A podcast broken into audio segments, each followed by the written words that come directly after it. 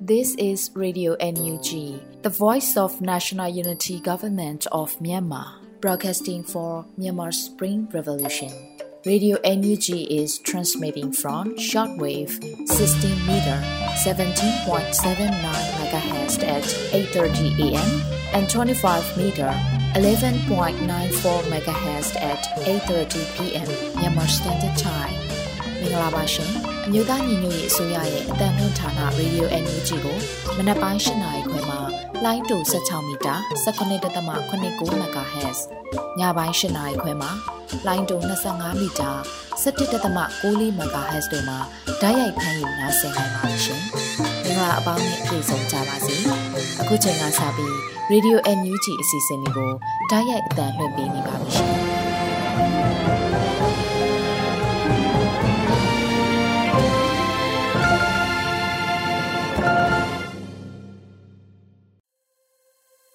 မြန်မာနိုင်ငံသူနိုင်ငံသားအပေါင်းတဘာဝပြီးစစ်အာဏာရှင်ဘေးတော့နေကင်းဝေးပြီးကိုစိတ်နှပါကြားမှလုံခြုံပေးကင်းကြပါစေလို့ရေဒီယို UNG အဖွဲ့သားများကဆုတောင်းပေးလိုက်ပါရရှင်။အခုချိန်ကစပြီးရေဒီယို UNG ရဲ့စည်ရေးတင်ကောင်းတို့ချက်ကိုຫນွေဦးမှုကဖတ်ကြားတင်ပြပေးပါမယ်ရှင်။မင်္ဂလာပါခင်ဗျာအခုချိန်ကစပြီး2024ခုနှစ်ဖေဖော်ဝါရီလ10ရက်မနက်ခင်းမှာတင်ပြပေးမယ် ရေဒီယို NUG စီးရီးသတင်းများကိုဖတ်ကြားတင်ပြပေးသွားမှာဖြစ်ပါတယ်။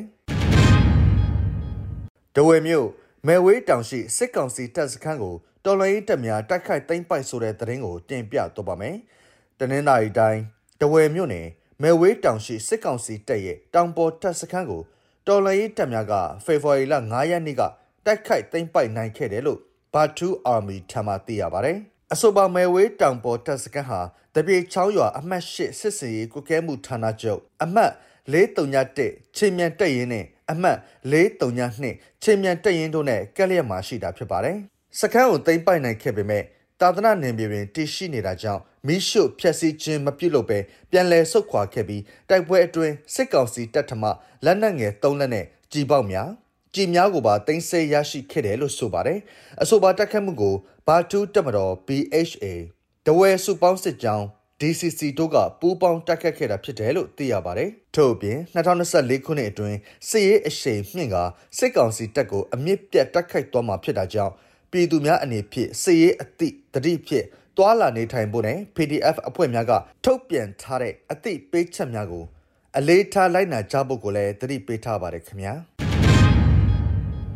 စီဆိုင်မြို့တိုက်ပွဲတွင်စစ်ကောင်စီတပ်ဖွဲ့ဝင်၈ဦးသေဆုံး2ဦးအရှင်ဖမ်းမိဆိုတဲ့သတင်းကိုတင်ပြသွားပါမယ်။ရှမ်းပြည်နယ်တောင်ပိုင်းပိုအိုကိုပိုင်အုတ်ချုပ်ခွင့်ရဒေသစီဆိုင်မြို့မြောက်ဘက်မှာဖြစ်ခဲ့တဲ့တိုက်ပွဲမှာစစ်သား၈ဦးသေဆုံးက2ဦးအရှင်ဖမ်းမိခဲ့တယ်လို့ပအိုအမျိုးသားလွတ်မြောက်ရေးတပ်မတော် PNLA ကဖေဖော်ဝါရီ9ရက်မှာထုတ်ပြန်ပါတယ်။ဇန်နဝါရီလ6ရက်နေ့ကဒေသတွင် လုံခြုံရေးဆောင်ရွက်နေတဲ့ PNLA တပ်ဖွဲ့ဝင်တွေကိုစစ်ကောင်စီတပ်နဲ့အပေါင်းပါတွေကချောင်းမြောင်းပစ်ခတ်ရာကနေတိုက်ပွဲဖြစ်ခဲ့ရမှာစစ်ကောင်စီအုပ်စုဟာလွယ်ပုတ်ကျေးရွာအတွင်းသို့ပြေးဝင်သွားခဲ့တယ်လို့ဆိုပါတယ်။အဲဒီနောက်စစ်အုပ်စုဟာဒေသခံပြည်သူတွေရဲ့မော်တော်ယာဉ်တွေကိုအထမယူဆောင်ကထွက်ပြေးကြတဲ့အတွက်ဝိုင်းဝန်းပိတ်ဆို့ဖမ်းဆီးရာကနေပြည်သူစစ်2ဦးကိုအရှင်ဖမ်းမိခဲ့တာလို့သိရပါတယ်။ထို့အတူ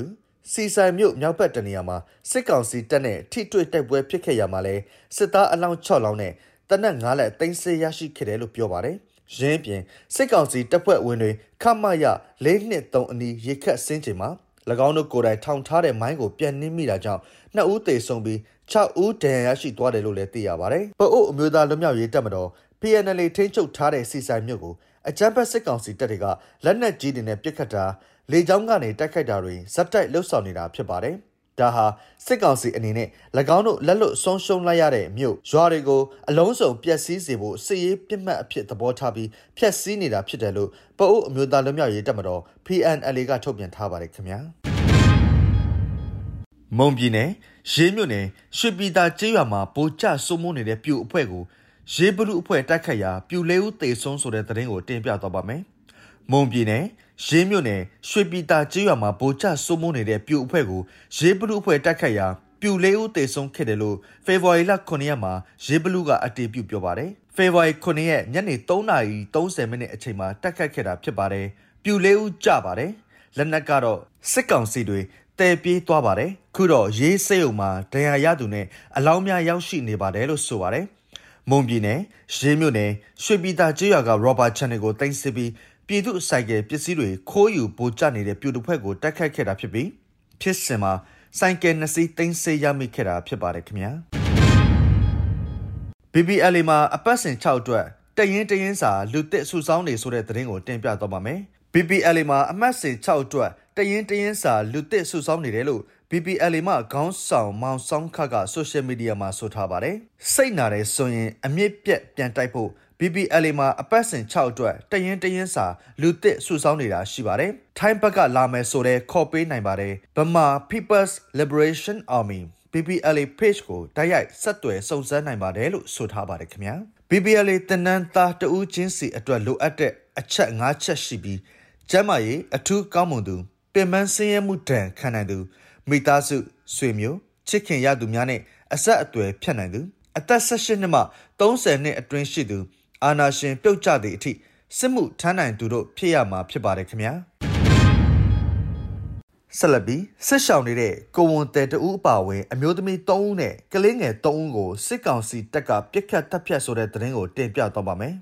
စစ်ရှောင်နေတဲ့ကိုဝန်တဲတဦးအပါဝင်အမျိုးသမီး3ဦးနဲ့ကလေးငယ်3ဦးကိုစစ်ကောင်စီတပ်ကပြစ်ခတ်တပ်ဖြတ်ခဲ့ပါတယ်။ February 9ရက်မနက်ပိုင်းကရင်ပြည်ရှားတောမြို့နယ်မှာစစ်ကြောင်းထိုးလာတဲ့စစ်ကောင်စီတပ်သားတွေကစစ်ရှောင်အမျိုးသမီးနဲ့ကလေးငယ်တွေကိုတပ်ဖြတ်ခဲ့တာလို့သတင်းရရှိပါတယ်။ဒီရက်ပိုင်းစိတ်အစင်မပြေစရာတွေပဲဇက်တိုက်ပါစာတင်ကျောင်းကိုပုံကျက်လို့ကလေးလေးယောက်အပိုင်းပိုင်းပြက်တိတ်ဆုံးခဲ့ရတယ်တော်လိုင်းရဲဘော်နှစ်ဦးအရှင်လက်လက်မီးရှို့ခံရတယ်ကိုဝန်ဆောင်မိခင်တွေနဲ့ စစ်ရှောင်ကလေးငယ်၃ဦးဒဇာခံလုပ်ပြီးပြတ်တက်သွားတယ်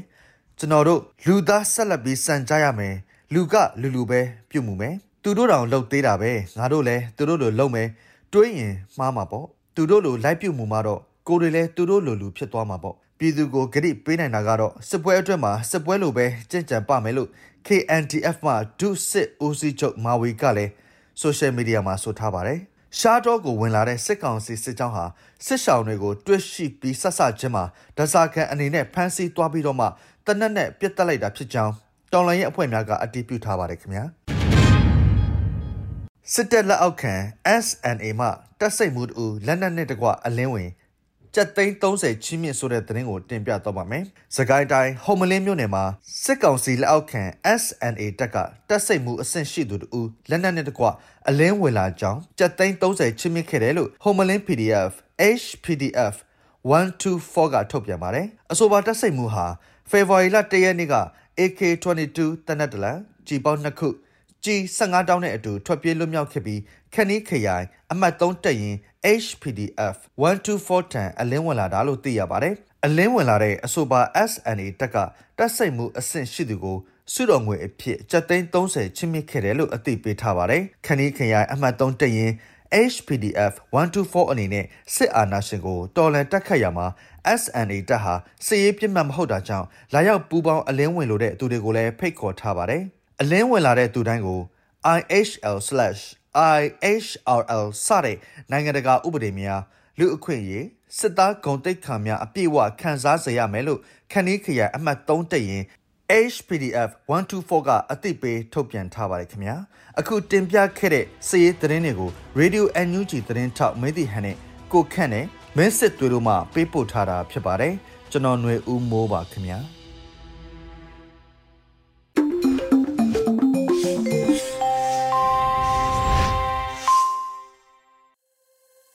ဆက်လက်ပြီးပြည်တွင်းသတင်းများကိုຫນွေဦးမွန်ကဖတ်ကြားပေးပါမယ်ရှင်။မင်္ဂလာမနက်ခင်ပါရှင်2024ခုနှစ်ဖေဖော်ဝါရီလ10ရက်နေ့ Radio NUG ပြည်တွင်သတင်းတွေကိုတင်ပြပေးသွားပါမယ်ကျွန်မကတော့ຫນွေဦးမွန်ပါမြို့သားညီညွတ်ရေးအစိုးရက89နှစ်မြောက်ရှမ်းမြို့သားနေ့အတွက်သဝင်လွှာပေးပို့တဲ့သတင်းကိုတင်ပြပေးပါမယ်ဖေဖော်ဝါရီလ9ရက်နေ့မှာကြာရောက်တဲ့89နှစ်မြောက် ရှမ်းမြို့သားနေ့ရှမ်းပြည်နယ်နေ့အတွက်မြို့သားညီညွတ်ရေးအစိုးရကသဝင်လွှာပေးပို့လိုက်ပါတယ်ရှမ်းပြည်နယ်အတွင်းရှိတိုင်းသားပြည်သူများအားလုံးကိုစိတ်နှဖျားချမ်းမှချမ်းသာပြီးဘေးကင်းလုံခြုံစွာရှိကြပါစေလို့စုမုံကောင်းတောင်းပေးထားပြီးပြည်သူတရားလုံးတောင်းတနေတဲ့ကိုပိုင်ပြထမ်းခွင့်အပြည့်အဝအာမခံချက်ရှိတဲ့ Federal Democracy ပြည်ထောင်စုနိုင်ငံတွေကိုအင်းလိုက်အားလိုက်ဝိုင်းဝန်းဖော်ဆောင်နိုင်ကြပါစေလို့သဝင်လွှာမှာဖော်ပြထားပါတယ်။ဒီကနေ့ချိန်ဟာပြည်သူ့ထံမှအာဏာကို လက်နက်မိုးရဲ့မတရားသိမ်းယူရန်စ조사ခဲ့တဲ့ဂျမတ်စီအုပ်စုကိုတိုင်းသားပြည်သူတရလုံးကစူးစီးညီညာစွာလက်ချင်းချိတ်ပြီးတွန်းလှန်တိုက်ထုတ်ခါဆီယနာရှင်စနစ်ကိုအမြင့်ဖြတ်အဆုံးသတ်နိုင်ရဲ့အားကုန်ထုတ်ကြိုးပမ်းနေကြတဲ့အချိန်ခါဖြစ်တယ်လို့လည်းပါရှိပါတယ်။ခုလိုချိန်ခါမှာရှမ်းပြည်နယ်အတွင်းရှိတိုင်းသားဒေါ်လင်းကောင်းဆောင်များနဲ့နိုင်ငံရေးပါတီများပါဝင်တိုင်းသားပြည်သူအားလုံးအနေနဲ့တနိုင်ငံလုံးရှိပြည်သူများနဲ့အတူတစိမ့်တဝန်းနဲ့စီလုံးညီညွတ်စွာလက်တွဲ၍ကျန်းဖတ်စစ်ကောင်စီကို ပြီးတိုင်းဖယ်ရှားပြီးဒီမိုကရေစီနှင့်လူ့ခွင့်ရေးအပြည့်အဝရရှိရေးတန်းတူညီမျှမှုရှိရေးနဲ့ဖရယ်ပြည်ထောင်စုတည်ထောင်ရေးတို့အတွက်ဒူလက်တွဲဆောင်ရွက်သွားကြပါစို့လို့တိုက်တွန်းဖိတ်ခေါ်ထားပါတယ်ရှင်။ဒီမော့ဆိုမြို့နယ်နောက်ဖက်ချမ်းတွင်ရှိဒေါ်စီရွာနဲ့ရိုင်းနဖရွာရှိစာတင်ကျောင်းများအားဂျမစီယုစုကတိုက်လင်းဖြင့်ပြစ်မှတ်ထားပုံကျဲတိုက်ခိုက်ခဲ့သည့်ဖြစ်စဉ်သေးစိတ်အချက်လက်လူခွင့်ရေးဆိုင်ရာဝန်ကြီးဌာနထုတ်ပြန်တဲ့သတင်းကိုတင်ပြပေးပါမယ်။ ဒီမော့ဆိုမြို့နယ်နောက်ဖက်ချမ်းမှာရှိတဲ့ဒေါ်စီရွာနဲ့လိုင်နန်းဖရွာရှိစာတင်ကျောင်းတွေကိုဂျမတ်စီစုကတိုက်လျင်နဲ့ပြစ်မှတ်ထားဘုံကျဲတိုက်ခိုက်ခဲ့တဲ့ဖြစ်စဉ်အသေးစိတ်အချက်လက်ကိုလူခွေရေးဆိုင်ရာဝန်ကြီးဌာနကဖေဖော်ဝါရီလ9ရက်နေ့မှာထုတ်ပြန်ပါတယ်။2024ခုနှစ်ဖေဖော်ဝါရီလ9ရက်နေ့မနက်10:15မိနစ်ခန့်တွင်ကင်းဒီပြည်နယ်ဒီမော့ဆိုမြို့နယ်နောက်ဖက်ချမ်းတွင်ရှိသည့်ဒေါ်စီအီရွာနှင့်လိုင်နန်းဖရွာအားဂျမတ်စီအုပ်စုကတိုက်လျင်များဖြင့်ဘုံကျဲတိုက်ခိုက်ခဲ့ပါတယ်။ဒါအပြင် ရိုင်ကော်ဘက်တွင်ချေချသည့်ဂျမတ်စီအုပ်စုများကလည်းစာတင်ကြောင်းများရှိသည့်ဘက်ကို120မမလက်နက်ကြီးတွေနဲ့အ ਨੇ ဆုံး6ကြိမ်ပစ်ခတ်ခဲ့တယ်လို့ဆိုပါတယ်။ဆိုပါတိုက်ခိုက်မှုကြောင့်32နှစ်မှ73နှစ်ကြားရှိကလေးလေးဦးပါဝင်9ဦးသေဆုံးခဲ့ပြီးပြည်သူ36ဦးထိခိုက်ဒဏ်ရာရရှိခဲ့ပါတယ်။လူခွေရေးဆိုင်ဝန်ကြီးဌာနအနေနဲ့ပြည်သူတရလုံးဒန်းတူညီမျှမှုရရှိရေးငြိမ်းချမ်းရေးနှင့်တရားမျှတမှုရရှိရေးဟုသောဥတီချက်များကိုခိုင်ခိုင်မာမာလက်ကင်ဆွဲထား၍ ဂျမစစ်တပ်၏ကျူးလွန်မှုများကိုအပြစ်ပေးရေးယူနိုင်ရေးစွမ်းကုန်တာဝန်ယူဆောင်ရွက်သွားမယ်လို့သိပေးဖော်ပြထားပါတယ်ရှင်။ဂျာကာလာဒေသန္တရပြည်သူ့အုပ်ချုပ်ရေးဖော်ဆောင်မှုဗဟိုကော်မတီနဲ့မန္တလေးတိုင်းမကွေးတိုင်းမြို့နယ်ပြည်သူ့အုပ်ချုပ်ရေးဖွဲ့များတွဲဆုံဆွေးနွေးပွဲကျင်းပပြုလုပ်တဲ့တဲ့ရင်ကိုဆက်လက်တင်ပြပေးပါမယ်။မြို့သားညီညွတ်ရေးအစိုးရဂျာကာလာဒေသန္တရပြည်သူ့အုပ်ချုပ်ရေးဖော်ဆောင်မှုဗဟိုကော်မတီနဲ့မန္တလေးတိုင်းမကွေးတိုင်းမှ မြို့နယ်ပြည်သူ့အုပ်ချုပ်ရေးဖွဲ့များတွဲဆုံဆွေးနွေးပွဲအစည်းအဝေး6မြင်းဆောင်2024ကိုဖေဖော်ဝါရီလ9ရက်နေ့မှာကျင်းပပြုလုပ်ခဲ့တယ်လို့သိရပါတယ်။စီဝေမှာဂျာကာလဒေသန္တရပြည်သူ့အုပ်ချုပ်ရေးဖော်ဆောင်မှုဗဟိုကော်မတီဖွဲ့ဝင်စီမံကိန်းဗန်နာရေးနှင့်ယင်းနှမြုပ်နှံရေးဝန်ကြီးဌာနရဲတဲ့အတွဲဝင်မှဖွင့်မစကားပြောကြားခဲ့ပါတယ်။အိမ်နောက်တယောက်လာကြတဲ့မြို့နယ်ပြည်သူ့အုပ်ချုပ်ရေးဖွဲ့ဝင်များကမူဝါဒလမ်းညွှန်ချက်များလုပ်ငန်းဆောင်ရွက်ချက်များမြေပြင်ခက်ခဲများနဲ့ပတ်သက်ပြီးသိရှိလူသည်များကိုမေးမြန်းခဲ့ရာ ဝန်ကြီးဌာနတာဝန်ရှိသူများကပြန်လည်ဖြေကြားခဲ့ပါတယ်။ဆိုအားတွဲဆုံပွဲကိုရဲရန်တွဝင်များတွဲဘက်တွဝင်များဌာနဆိုင်ရာများမှတာဝန်ရှိသူများနဲ့မန္တလေးတိုင်းမကွေးတိုင်းမှာမြို့နယ်ပြည်သူ့အုပ်ချုပ်ရေးဖွဲ့ဝင်များတက်ရောက်ခဲ့ကြပြီးစီဝေးကိုနေ့လယ်2နာရီချိန်မှာရန်နာခဲ့တယ်လို့သိရပါတယ်ရှင်။ NUG နဲ့တိုင်းသားလက်နက်ကိုင် EROs တွေကြားဘုံသဘောတူညီချက်ဟာတော်လှန်ရေးအတွက်ရွေးတစ်ခုကိုအများကြီးပို့ဆောင်ပေးနိုင်တယ်ဆိုတဲ့အကြောင်းအရာကိုတင်ပြပေးပါဦးမယ်။ NUG နဲ့တိုင်းသားလက်နက်ကိုင် EROs တွေကြားဘုံသဘောတူညီချက်ဟာတော်လှန်ရေးအတွက်ရွေးတစ်ခုကိုအများကြီးပို့ဆောင်ပေးနိုင်တယ်လို့လူခွေဆိုင်ရာဒုတိယဝန်ကြီးခွန်မဟန်ထံကပြောပါတယ်။စီရဲလို့ပြောလိုက်တာနဲ့စီရဲမဟာမိတ်တိဆောက်ရေးပိုင်းကလည်းအင်မတန်မှအရေးကြီးလာပါတယ်။ဒီနေ့အပြင် NUG နဲ့ EROs တွေကြားနိုင်ငံရေးနဲ့စီးရေးမဟာမိတ်တိဆောက်မှုကဒီတော်လှန်ရေးကိုအများကြီးဖြစ်ပေါ်တိုးတက်ပြောင်းလဲမှုကိုဖော်ဆောင်ပေးနိုင်မယ်လို့ယုံကြည်တယ်။ဒီလိုတော်လှန်ရေးအကြက်တဲကာလနိုင်ငံရေးစီးရေးခင်ခြင်းမျိုးမှာကိုပိုင်ပြထန်းခွင့်နဲ့ ကိုကျမကိုဖန်တီးခွင့်ကိုခြေခံတဲ့နိုင်ငံရေးသဘောတူညီချက်ကြီး NUG နဲ့တိုင်းသားလက်နက်ကိုင် EAOs တွေကြားသဘောတူညီချက်တွေထွက်လာတာဟာဒီတော်လှန်ရေးအတွက်ရွေးတစ်ခုကိုအများကြီးပို့ဆောင်ပေးနိုင်သလိုကျွန်တော်တို့ဒီဆောက်တဲ့အနာဂတ် Federal Democracy ပြည်ထောင်စုအတွက်လားလာကောင်းတဲ့နိုင်ငံရေးအခင်းအကျင်းမျိုးဖြစ်လာလိမ့်မယ်လို့မြင်ပါတယ်လို့ဆိုပါတယ်။လက်ရှိမှာမြို့သားညီညွတ်ရေးအစိုးရဟာ Federal Charter တိုင်းရှောင်းလန်းနေပြီးတိုင်းသားတော်လှန်ရေးအရာစုများနဲ့စစ်ရေးနိုင်ငံရေးပူးပေါင်းဆောင်ရွက်လျက်ရှိပါတယ်ရှင်။ မန္တလေးအိုဘိုထောင်တွင်နိုင်ငံရေးအချင်းသူတဦးစေဝါကူတာခွင့်မရ၍ကြောက်ကက်ယောဂါနဲ့သေဆုံးရတဲ့တဲ့ရင်ကိုတင်ပြပေးပါဦးမယ်။မန်လေးမြို့မန်လေးအိုးဘိုကျင်းတော်မှာနိုင်ငံရေးအချင်းသူမဲ့ရင်မှုဟာစေဝါကူတာခွင့်မရခဲ့တာကြောင့်ကြောက်ကက်ယောဂါနဲ့သေဆုံးသွားခဲ့တယ်လို့မြန်မာနိုင်ငံလုံးဆိုင်ရာနိုင်ငံရေးအချင်းသားများကွန်ရက် PPNM မှထုတ်ပြန်ထားပါတယ်။ဖေဖော်ဝါရီလ၄ရက်နေ့ကအသက်35နှစ်အရွယ်ရှိနိုင်ချင်းတဦးဖြစ်တဲ့မဲ့ရင်မှုဟာကြောက်ကက်ယောဂါနဲ့သေဆုံးသွားခဲ့တာဖြစ်တယ်လို့သိရပါတယ်။ သူမဟာအချင်းတော်တွင်ကြောက်ကက်ယောဂါရှိနေကြောင်းကိုချိန်မီမသိရှိခြင်းယောဂါဖြစ်နေစဉ်အတွင်းမှာဆေးဝါးကုသစောင့်ရှောက်မှုလုံလောက်စွာမရရှိခြင်းပြင်ပစေယုံတို့ပို့ဆောင်ပေးခဲ့တာရှိတယ်လို့ဆိုတော့လဲလုံခြုံရေးမပေးနိုင်လို့ကြောင်းပြပြီးချိန်ပြည့်စေကူတာခွင့်မရရှိခြင်းတို့ကြောင့်သေဆုံးခဲ့ရတာဖြစ်တယ်လို့ဆိုပါတယ်။သူ့ကိုသွေးသွင်းပေးဖို့လိုအပ်နေတဲ့ကာလတွေမှာလုံခြုံရေးကြောင်းပြပြီးထောင်ထဲပြန်ခေါ်လာတဲ့ ကြောက်ကက်ဆေးရမယ့်ယောဂါကိုဆေးရုံတွေမှာကုသဖို့ပြောခဲ့ပေမဲ့ထောင်အာဏာပိုင်တွေကဘာယောဂါဆိုတာကိုအသိမပေးခဲ့ဘူး။ကြောက်ကက်ယောဂါကနောက်ဆုံးအဆင့်ရောက်မှသိရတာဆိုတော့ဆေးရုံနဲ့ထောင်ကြားမှာလုံခြုံရေးအကြောင်းပြပြန်ခေါ်တော့နောက်ဆုံးမှသိဆုံးတာပါထောင်ထဲမှာကျန်းမာရေးစောင့်ရှောက်မှုပေးဖို့ပြင်ပဆေးဝါးတွေပေးဖို့လုံလောက်တဲ့ကျန်းမာရေးစောင့်ရှောက်မှုတွေပေးဖို့တောင်းဆိုလိုပါတယ်လို့ PPNM မှကိုတိုင်ထွန်းကရှင်းပြပါဗျ။ မယေမိုးဟာ2021ခုနှစ်မတ်လမှာဖမ်းခံခဲ့ရပြီးထောင်ထဲ6နှစ်မတရားချမှတ်ခံထားရသူဖြစ်ပါတယ်။2024ခုနှစ်အစပိုင်းဇန်နဝါရီလနဲ့ဖေဖော်ဝါရီလပထမပတ်အတွင်းမှာတဲ့ကျန်းမာရေးမကောင်းမှုချိန်လုံလောက်သောစေဝါကုသမှုမခံယူရ၍သေဆုံးခဲ့ရတဲ့နိုင်ငံအကျဉ်းသားအကျဉ်းသူ9ဦးအထိရှိလာနေပြီဖြစ်ကြောင်း PPNM ကပြုစုထားတဲ့စာရင်းတွေရသိရပါတယ်ရှင်။ခုတင်ပြခဲ့တဲ့သတင်းတွေကို Radio NUG သတင်းတောက်မင်းတီဟန်ကိုခန့်နဲ့မင်းစစ်သွေးတို့ကပေးပို့ထားတာဖြစ်ပါတယ်ရှင်။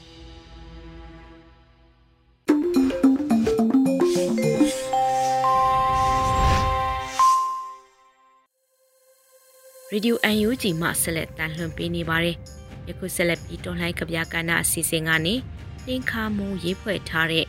ငှက်ဆိုးဆိုတဲ့ကဗျာကိုလွတ်လပ်ຫນွေဥကရွတ်ဖတ်ပေးပါမယ်ရှင်။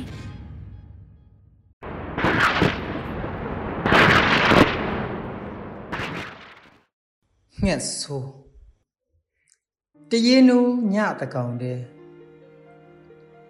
ကြက်တရေမဲ့တဲ့အတန်ရှည်ကြီးက တွန့်လိန်ကြည်မွအိယာပေါ်လူးလွတ်ကြံခဲ့လှပတန်စင်ဂီတနဲ့ရောင်စုံမြူးကြွညပွဲခင်းဟာကျဲလောင်တဲ့ပောက်ကွဲတန်ကြီးနဲ့အတူသွေးအိုင်တဲ့တစစီကျင့်ဝတ်မဲ့တဲ့စစ်ပွဲဟာလူမျိုးနွယ်ရဲ့ယဉ်ကျေးမှုအသွေးအသားတွေကိုစပကြီးတဲ့ထဲ့ပြီး အရှင်လက်လက်မိရှုပစ်ခဲ့တယ်မိုးပေါ်ကိုမော့ပြီးကြည့်နေတဲ့မျက်လုံးကလေးထဲမှာကူကယ်ရာမဲ့မှုကအထင်သာဖက်ပေါ်ကထမင်းကိုတော့ဖြောက်အောင်မစားနိုင်တဲ့ကလေးတယောက်အတွက်တော့သူ့ခေါင်းပေါ်ကကောင်းကင်ကြီးဟာ ပါဇက်ကြီးဖြဲဟထားတဲ့မကောင်းဆိုးဝါးတကောင်ရဲ့မျက်နှာအစာကိုတုတ်မဲ့ရှာလျားအရှိကြီးတွေလိုမြေပေါ်ကိုထိုးဆိုင်ဆင်းလာတဲ့အတန်နဲ့ကြီးရဲ့အဆုံးမှာဘဝဆိုတာမသေးလို့ကြံရစ်ခဲ့တယ်မြက်ပင်ကလေးတပင်တာတာမြကျွဲနှကောင်နဲ့ လက်တံပြောင်ခဲ့ပုံကကဘာစစ်ရဲ့အနိဋ္ဌာယုံတွေဂျပန်ခေတ်ရဲ့ငရဲပုံပြင်တွေကိုအိမ်ခေါင်မိုးပေါ်တက်တက်ကြမှဒီစစ်ပွဲမှာငါဟာဘယ်ပြောင်းဝရှိမှလဲဆိုတာသိကြမှာလားအခုတော့အဲ့ဒီကျွဲနှကောင်ထက်တောင်ရိုင်းဆိုင်တဲ့ဆိုးဝါးတဲ့ သွေးစာတဲ့ငှက်ရိုင်းတွေငှက်မိတ်စာတွေလူသားစာငှက်တွေအနောက်မြောက်လွင်ပြင်ပေါ်မှာအရှိဘက်ကုန်းမြင့်တောင်ရိုးတွေပေါ်မှာမြောက်ဘက်တောင်တန်းတွေပေါ်မှာအကိုရအမတွေကစာသင်ခန်းကိုပြစ်စစ်တိုက်ထွက်နေကြတဲ့အချိန်မောင်လေးတွေညီမလေးတွေကစာသင်ခန်းထဲမှာ ဘုံကျဲအသက်ခံနေကြရတယ်ပြာလွန်ပြီးအဆုံးမရှိတဲ့မိုးသားကောင်းကင်ဆိုတာလွတ်လပ်မှုရဲ့သင်္ကေတပါမြေပြင်ပေါ်မှာချစ်ချင်းမေတ္တာတွေပြာကျနေတဲ့အချိန်မှာတော့ငါတို့ခေါင်းပေါ်မှာရှိနေတာတားရဲတလိษံထူပြောတဲ့တောနဲ့ကြီးတစ်ခုသာဖြစ်ရဲ့ လုံခြုံမှုဆိုတာယုံနှကောင်လိုကို့တွင်းပေါက်ထဲခေါင်းထိုးထည့်ထားယုံနဲ့ရနိုင်ပါမလားငှက်ခတ်ကွင်းတွေပိုက်ထောင်တွေလေးကိုင်းတွေအားလုံးစုယုံကြမြေပြင်မှာမီးဖိုပြီးစောက်ကြငှက်ဆိုးသားဟာခါခဲ့ရင်တော့မီးกินတဲ့အခါမှုေးပြန်လာပြီလိမ့်မယ်ကောင်းကင်ဆိုတာ လွတ်မြောက်သူတို့ရဲ့ပင်လေကမ်းခြေသာဖြစ်ရဲ့နှင်ခါမှု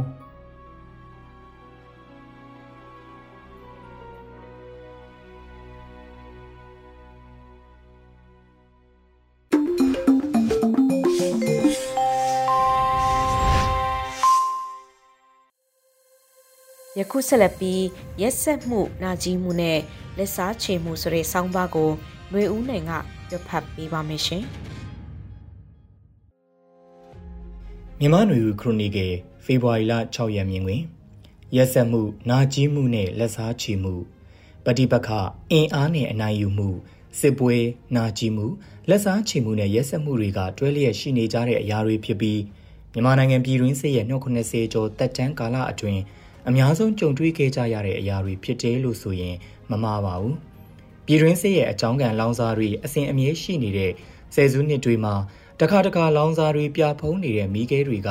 မီးတောင်အဖြစ်ရောက်လာလိုက်တခါတခါမီးတောင်ဖြစ်ရာကနေမီးခဲပြဖုံးအဖြစ်ပြန်ရောက်သွားလိုက်ဖြစ်နေကြတာဖြစ်ပါတယ်။ခုရပိုင်းအတွင်းသတင်းဌာနတစ်ခုကိုပေးပို့လာတဲ့အဖြစ်အပျက်ဗီဒီယိုမှတ်တမ်းအတူကို သတင်းဌာနကသတင်းအဖြစ်ဖော်ပြခဲ့ပြီးတဲ့နောက်ကြည်ရှုရသူတွေအဖို့ဆိုးရွားတဲ့စိတ်ပိုင်းဆိုင်ရာထိခိုက်မှုတွေဖြစ်ခဲ့ကြရတာဆိုရှယ်မီဒီယာတွေမှာရေးသားချက်တွေအရသိရှိရပါတယ်။ကံကောမြို့နယ်တွေက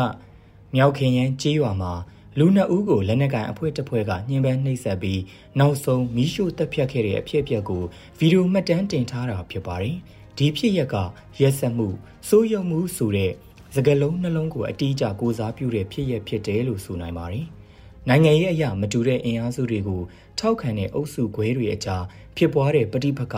စီရေးအရာစံကျင်တိုက်ခတ်မှုတွေတုံ့ပြန်လက်စားချေမှုတွေနဲ့အရက်ဆက်ဆုံးနီးလန်းတွေနဲ့လက်စားချေမှုတွေကအခုလိုဖြစ်ရကိုဖြစ်ပွားစေခဲ့တယ်လို့ကောက်ချက်ချမိပါတယ်။ပြည်တွင်းစစ်ရဲ့တမိုင်းတွေတဲ့ရန်သူတွေကိုစစ်မြေပြင်မှာဖမ်းမိတဲ့အခါတရားစွဲဆိုဖို့ဥပဒေကြောင်းအရာ အရေးယူအပြစ်ပေးဖို့အခွင့်အလန်းနေပြီးစာအုပ်ထဲရေးမထားတဲ့နှုတ်မိန်တွေနဲ့နှိပ်စက်စစ်ဆေးမေးမြန်းပြီးလက်စတုံတက်ဖြတ်လေးရှိတဲ့ဖြစ်စဉ်တွေမြန်မာနိုင်ငံရဲ့ရုပ်ဆိုးအကြီးတန်းလှတဲ့ပြည်တွင်းစစ်သမိုင်းတွေထဲရှိနေခဲ့ကြတာဖြစ်ပါတယ်။1960ကျော်ခုနှစ်တွေတုန်းကဘာကပကွန်မြူနစ်တွေနဲ့ဗမာတက်မတော်တိုက်ခိုက်ခဲ့စဉ်ကတည်းကရှေ့တန်းမှာဖမ်းမိတဲ့ဘာကပလက်နက်ကင်တွေကိုဥပဒေနဲ့အညီဖမ်းဆီးရုံးတင်တာမျိုးလှုပ်ဆောင်လေတိတ်မရှိခဲ့ဘူးလို့ လက်ဆင့်ကမ်းပြောကြားခဲ့ကြတဲ့ဖြစ်ရပ်တွေအရာကြားသိရပူတာဖြစ်ပါတယ်။အချို့သောစစ်ဗိုလ်တွေကအရှင်ဖမ်းဆီးပြီးနောက်တန်းကတက်ကိုအနံတဲ့အခါမှာဘာလို့အရှင်ဖမ်းလာရတာလဲအလုရှုပ်ခံရတာလဲဆိုတဲ့အပြစ်တင်ပြောဆိုမှုတွေဗမာတက်မတော်မှာရှိခဲ့တယ်လို့လည်းကြားခဲ့ပူပါတယ်။ကွန်မြူနစ်ဝါဒယုံကြည်သက်ဝင်ပြီးတိုက်ပွဲမှာဖမ်းမိတဲ့ထင်ရှားတဲ့စာရေးဆရာကို သူ့စာဖတ်ပရိသတ်တဦးဖြစ်တဲ့စစ်ဘိုကဖမ်းမိခဲ့ရမှာမသက်ဖြတ်ပဲနောက်တန်းကိုအနံခဲ့တဲ့အဖြစ်ပြက်မှာဖမ်းဆီးအနှံတဲ့ဘိုးဖြစ်သူကိုအထက်ကစစ်အရာရှိကအလုရှုပ်အောင်လုပ်တဲ့အတွက်အပြစ်တင်ခဲ့တယ်ဆိုတဲ့အဖြစ်အပျက်ကိုလက်ဆင့်ကမ်းပြောဆိုရာကကြားသိခဲ့ရပူပါတယ်။အလားတူပဲ KNU လက်နက်ကိုင်အဖွဲ့တွေနဲ့တိုက်ခိုက်ကြရမှာလေတစ်ဖက်နဲ့တစ်ဖက်နာကြီးမုံတီးမှုတွေနဲ့ရန်သူကိုအရှင်ဖမ်းမိတဲ့အခါမှာ ဥပဒေနဲ့အညီအရေးယူတရားစွဲတာမျိုးထိမလုပ်ကြပဲရှေ့တန်းမှာတင်တည်ကျင်တဲ့သတင်းအချက်လက်တွေကိုနှိမ့်ဆက်ညှင်းပန်းတဲ့နည်းနဲ့မေးမြန်းပြီးတပ်ဖြတ်ခဲ့ကြတဲ့ဖြစ်စဉ်တွေရှိခဲ့တယ်လို့တစ်ဖက်ကလည်းစစ်တပ်ကတပ်ဖွဲ့ဝင်တွေကိုဖမ်းမိတဲ့အခါအရှင်မထားဘဲနှိမ့်ဆက်တပ်ဖြတ်ခဲ့ကြတာအသေးစိတ်ဖော်ပြဖို့မသိတဲ့နီလန်းတွေနဲ့နှိမ့်ဆက်တပ်ဖြတ်ခဲ့ကြတာတွေလည်းရှိခဲ့တာကိုလက်ဆင့်ကမ်းပြောဆိုမှုတွေအရာကြားသိခဲ့ရဘူးတာဖြစ်ပါတယ်။မဆာလာလိုစေအာနာရှင်တွေခစ်တွေတုန်းက လက်နက်ကန်အဖွဲ့ဝင်မဟုတ်တဲ့တဘုံဆက်သွယ်အားပေးသူလို့တန်တရားရှိသူတွေကိုစစ်မေးရမှာလဲရဲဆက်ဆုံးနီးလန်းတွေနဲ့စစ်မေးနှိပ်စက်ခဲ့ကြတာကရင်ပြည်နယ်ကြေးရွာတရွာကကြေးရွာသားတဦးကပြောပြခဲ့ပူပါတယ်။သူ့ရဲ့မှတ်ချက်ကဂျပန်ခေတ်ကဂျပန်တွေနှိပ်စက်တာစိုးတယ်ရဲဆက်တယ်လို့ကြားခဲ့ဘူးတာအခုစစ်တပ်စစ်ထောက်လန်ရေးကဂျပန်ထက်ပိုဆိုးတယ်ဆိုတဲ့ပြောဆိုမှုလည်းကြားသိခဲ့ရပူပါတယ်။အဲ့ဒီခေတ်အဲ့ဒီကာလတွေတည်းမကပဲ မြန်မာစစ်တပ်ရဲ့ရဲစက်မှုတပ်ဖြတ်မှုတွေကမနှစ်တစ်နှစ်ကလိုဖြစ်နေတဲ့2019ရခိုင်ပြည်နယ်မြောက်ပိုင်းကအာဆာလက်နက်ကိုင်တွေကိုနှိမ်နင်းရာမှာရိုဟင်ဂျာလူမျိုးကြေးရွာသားတွေရာထောင်နဲ့ချီတပ်ဖြတ်ခဲ့တဲ့အဖြစ်အပျက်တွေကဤပညာတွေခင်မီလာတဲ့ယနေ့ခေတ်ကာလမှာမှတ်တမ်းတွေမှတ်ရာတွေနဲ့တကွတင်ကြံရစ်ခဲ့တာလည်းဖြစ်ပါတယ်။ဒီဖြစ်ရက်ကလူမျိုးတုံးတပ်ဖြတ်မှုအဖြစ်နိုင်ငံတကာတရားရုံးမှာဆွဲဆိုခံရပြီးရင်ဆိုင်နေရစေလည်းဖြစ်ပါတယ်။ ရခင်ခေတ်တွေကမှတ်တမ်းမှတ်ရာအဖြစ်ရိုက်ကူးမှတ်တမ်းတင်တဲ့ကင်မရာတွေပေါ်ပေါ်များများမရှိကြတဲ့ခေတ်တရင်အချက်လက်ဖလှယ်မျှဝေဖို့ပလက်ဖောင်းတွေမရှိခဲ့ကြတဲ့ခေတ်တွေကရက်ဆက်မှုတွေဥပဒေမဲ့တက်ဖြတ်မှုတွေရှိခဲ့ကြပြီးမြဲလူအများပြားမသိခဲ့ကြပါဘူးဒီနေ့ခေတ်ကာလမှာဥပဒေမဲ့တက်ဖြတ်မှုတွေရက်ဆက်မှုတွေကကျူးလွန်သူတွေကိုယ်တိုင်မှတ်တမ်းတင်ခဲ့ကြပြီးတော့အချိန်ကာလတစ်ခုမှာမတော်တဆသို့မဟုတ်ရည်ရွယ်ချက်တစ်ခုခုနဲ့ပေါက်ကြားပြန့်နှံ့စီက ကြားသိမြင်တွေ့နေရသူတွေကိုစိတ်တန်ရာနာကျင်မှုလက်စားချေမှုတွေဖြစ်ဖို့လှုံ့ဆော်တဲ့အကျိုးဆက်တက်ရောက်မှုတွေအထိရောက်ရှိစေတာဖြစ်ပါတယ်။ရက်ဆက်မှုတွေက KSS မှာရှိခဲ့ကြသလိုတာဝန်ရှိသူတွေက KSS အပြစ်ပေးအရေးယူခံရခြင်းမရှိဘဲလွတ်မြောက်နေကြဆဲဖြစ်ပါတယ်။ရက်ဆက်မှုတွေလက်စားချေတက်ဖြတ်မှုတွေကိုအဆုံးသတ်စေဖို့လက်နက်ကိုင်အဖွဲ့အစည်းတွေမှာတာဝန်အရှိဆုံးလို့ဆိုရမှာဖြစ်ပါတယ်။ မြန်မာနိုင်ငံရဲ့ပြည်တွင်းစစ်သမိုင်းကြောင်းတစ်လျှောက်ဖြစ်ပွားခဲ့တဲ့ရဲစမှုတွေကိုအဆုံးသတ်စီဖို့ကလက်နက်ကိုင်အဖွဲ့အစည်းတွေကိုအမိန့်ပေးကုတ်ကဲသူတွေစီမှာတာဝန်အရှိဆုံးလို့ဆိုရမှာဖြစ်ပါတယ်။ရဲစမှုတွေကိုတာဝန်ခံဖို့ကျူးလွန်တဲ့သူတိုင်းကျူးလွန်မှုအတွက်တာဝန်ခံရမယ့်သူတိုင်းနိုင်ငံရေးအရာဘယ်ဘက်မှရှိသည်ဖြစ်စီအရေးယူနိုင်ဖို့ကာလအကန့်အသတ်နဲ့ကင်းလွတ်ခွင့်ပေးထားတာမျိုးမဖြစ်စေဖို့လဲလိုအပ်မှာဖြစ်ပါတယ်ခင်ဗျာ။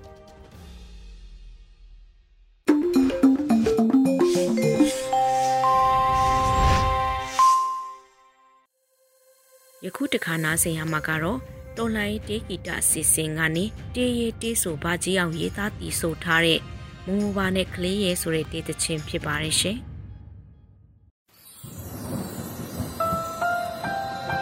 ။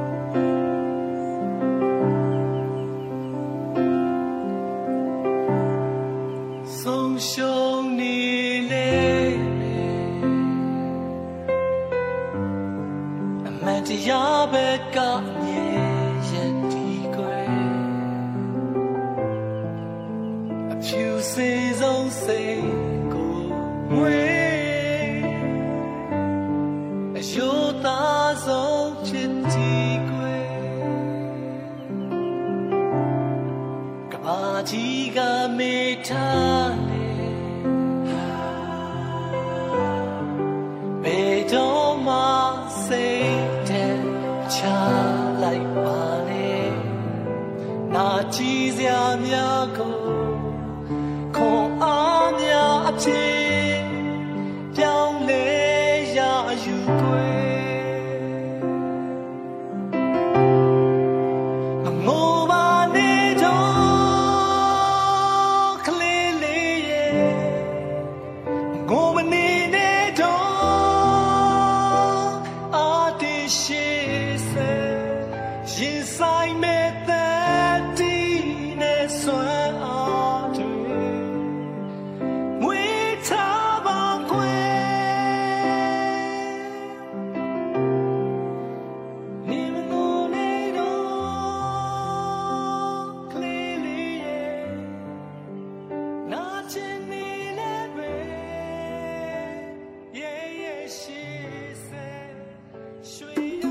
ကနေ့ကတော့ဒီညနဲ့ပဲ Radio NUG ရဲ့အစီအစဉ်လေးကိုခਿੱတရနာလိုက်ပါမယ်ရှင်။မြမစံတော်ချိန်မနက်၈နာရီခွဲနဲ့ည၈နာရီခွဲအချိန်တွေမှာပြန်လည်ဆုံတွေ့ကြပါစို့။ Radio NUG ကိုမနက်ပိုင်း၈နာရီခွဲမှာလိုင်းတူ16မီတာ19.8 MHz ညပိုင်း၈နာရီခွဲမှာလိုင်းတူ25မီတာ17.6 MHz တို့မှာဓာတ်ရိုက်ဖမ်းလို့နိုင်စေနိုင်ပါပြီ။ မြန်မာနိုင်ငံသူနိုင်ငံသားတွေကိုစိတ်နှပြကျန်းမာချမ်းသာလို့ဘေးကင်းလုံခြုံကြပါစေလို့ Radio NUG အဖွဲ့သူဖွဲ့သားတွေကဆုတောင်းမြတ်တာပို့တာလိုက်ရပါတယ်ရှင်။မြေသားညီမတွေအစိုးရရဲ့ဆက်သွယ်ရေးသတင်းအချက်အလက်နဲ့လူပညာဝန်ကြီးဌာနကထုတ်လွှင့်နေတဲ့ Radio NUG ဖြစ်ပါတယ်။ San Francisco Bay Area အခြေစိုက်မြန်မာမိသားစုတွေနဲ့နိုင်ငံတကာကစေတနာရှင်လို့အားပေးနေတဲ့ Radio NUG ဖြစ်ပါတယ်။အရေးတော်ပုံအောင်ရမည်